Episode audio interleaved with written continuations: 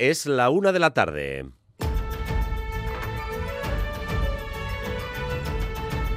Crónica de Euskadi con Dani Álvarez. A Ratzaldeón, enseguida vamos con las principales noticias del día que ahora mismo tienen varios escenarios, pero antes vamos con ese cosquilleo en la tripa que ahora mismo sienten la mayor parte de aficionados al fútbol de este país, porque en unos minutos vamos a conocer los rivales que les tocan a la Real y al Athletic para las semifinales de Copa. Empieza ya en la sede de la Federación la retransmisión, que seguiremos en directo en unos minutos. Eh, César Pérez Gazolaz, ¿cómo va a ser? ¿Quién va a sacar las bolitas?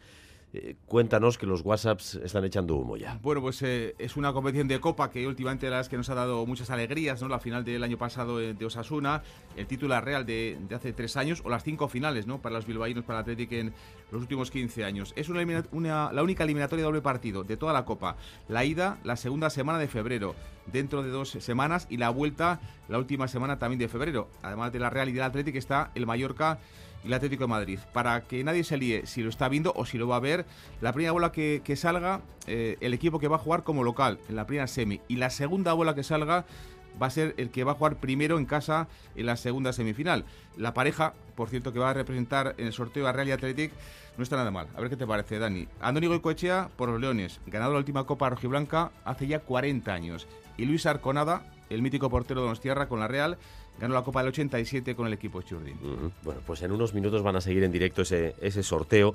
Eh, tenemos a Natalia Díaz en un bar de Zumaya, donde ya están enganchados, y a Xavier Madariaga en una taberna bilbaína. Natalia, ¿allí qué preferencias tienen? ¿Quieren al Athletic, al Mallorca, al Atlético? Cuéntanos.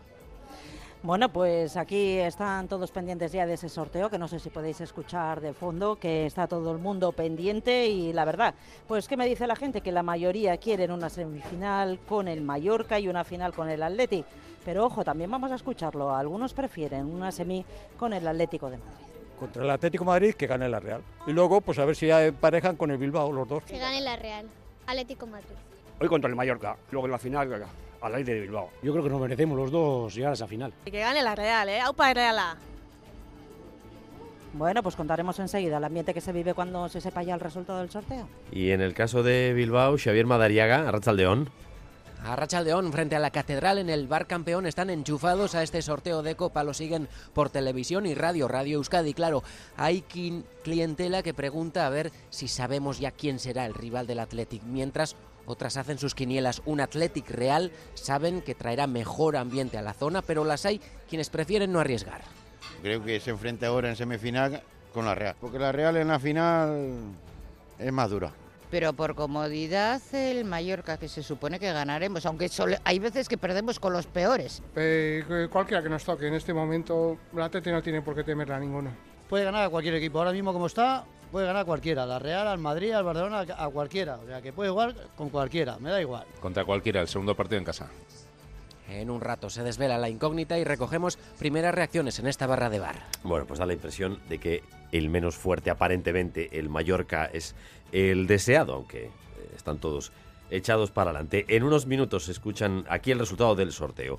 Antes, la semana de los pactos políticos se cierra hoy en Donostia y en Gasteiz. En la capital alavesa, los dos grandes protagonistas del acuerdo presupuestario situaban esta mañana las coordenadas de ese pacto en un ámbito estrictamente local. No hay pretensiones de que sea algo generalizado, ni por parte de los socialistas, ni por parte de EH Bildu, que por cierto se ha abstenido para facilitar el primer trámite de la aprobación de las cuentas, Miquel Saez. Sí, así es, con los votos del PSE y del PNV y la abstención de EH Bildu, esta mañana se ha aprobado de forma inicial el presupuesto de Gasteiz para este ejercicio 2024.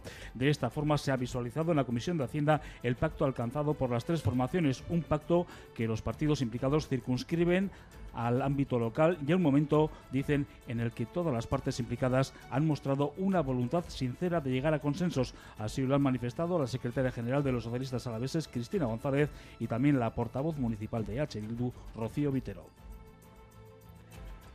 Y en Donostia, mientras se presenta el presupuesto para este año, en este caso PNV y PSE tienen mayoría absoluta, así que la expectativa de posibles acuerdos se rebaja simplemente eh, porque no es ningún grupo más necesario. Lo que sí hay que subrayar es la cuantía de ese presupuesto. La más alta de la historia de la ciudad. Anne Goñi. 483 millones de euros, un 4,6% más que el año pasado. Unas cuentas en las que sube el gasto de personal y de servicios debido a la inflación, pero en la que se hace una apuesta clara por reforzar los servicios sociales y la transformación hacia una movilidad sostenible.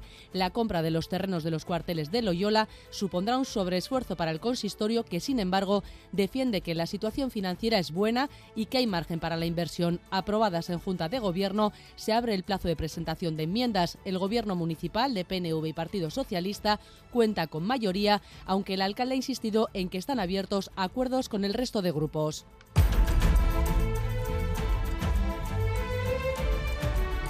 En Zumaya, la Guardia Civil investiga las causas del accidente que anoche costó la vida a un hombre de 47 años tras volcar la embarcación en la que viajaba con dos personas. Sacaron a dos con el camino de los bomberos y luego estuvieron buscando al tercero. El tercero lo encontraron muerto. Policía, helicóptero, porque esas horas además está prohibido, vamos, ya tienen que en puerto. Para las 7 se mete para adentro y estos a las 9 y pico estaban ahí. O tuvieron mala suerte o se quedaron sin motor o... Y el movimiento de los agricultores en Iparralde sube un grado hoy con la incorporación del sindicato LB. Como objetivo, el puerto de Bayona, además de los ya sabidos bloqueos de carreteras. Eh, todos pendientes de qué dirá el primer ministro en su visita a un punto de bloqueo de la región de Occitania. Andoni Liceaga, Rachaldeón. Arrachaldeón, tres puntos bloqueados en el puerto de Bayona, entre ellos los depósitos de fertilizantes y de maíz, una manera de denunciar la especulación de maíz importado a muy bajo precio y de dar una imagen de unidad, a pesar de las diferencias, porque el sector está muy debilitado. Julen Pérez. Egun nahi ginuke horren gainetik pasatu. Gure arteko hitza da laborantza munduri e, krisian dela, bakotsak badu laborantza ikusteko manera. Egun gertatzen da gauza polit bat, nahi du laborariak elgarren artean e, etiketa desberdina izanik ere elgarretaratzen direla, hala dago izuntan. Han seguido el llamamiento de la Confederación Paisana a nivel galo. Piden una ley que prohíba la venta de productos agrícolas más baratos que el costo de producción y la anulación del acuerdo Europa-Mercosur.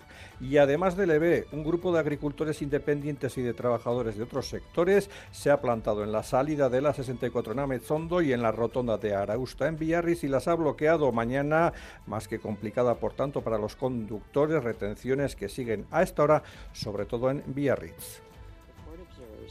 That it may indicate provisional measures only if the provisions relied on by the applicant appear prima facie to afford a basis on which its Y este sonido que nos llega es sonido directo desde la sede del Tribunal Internacional de La Haya. La guerra de Gaza puede estar en estos momentos viviendo uno de sus puntos de inflexión porque en esa sede del Alto Tribunal de Naciones Unidas se da lectura a la decisión que han tomado los jueces sobre la petición de medidas cautelares contra Israel que se incluyó en la denuncia de genocidio por parte de Sudáfrica. Óscar Pérez. Los 17 jueces pueden instar a Israel a que facilite la entrada de ayuda humanitaria y garantice agua, alimentos y las necesidades básicas de los palestinos de Gaza, pero pueden incluso ir más lejos y pedir que se evite una escalada o que cesen las hostilidades y se imponga un alto el fuego. Sudáfrica ha solicitado nueve medidas cautelares y los expertos consideran muy posible que al menos algunas de ellas sean aprobadas por el tribunal. Otra cosa es que luego Netanyahu y su gobierno vayan a hacer caso a lo que digan los jueces, cuyas medidas son vinculantes pero carecen de medios para hacer que se cumplan.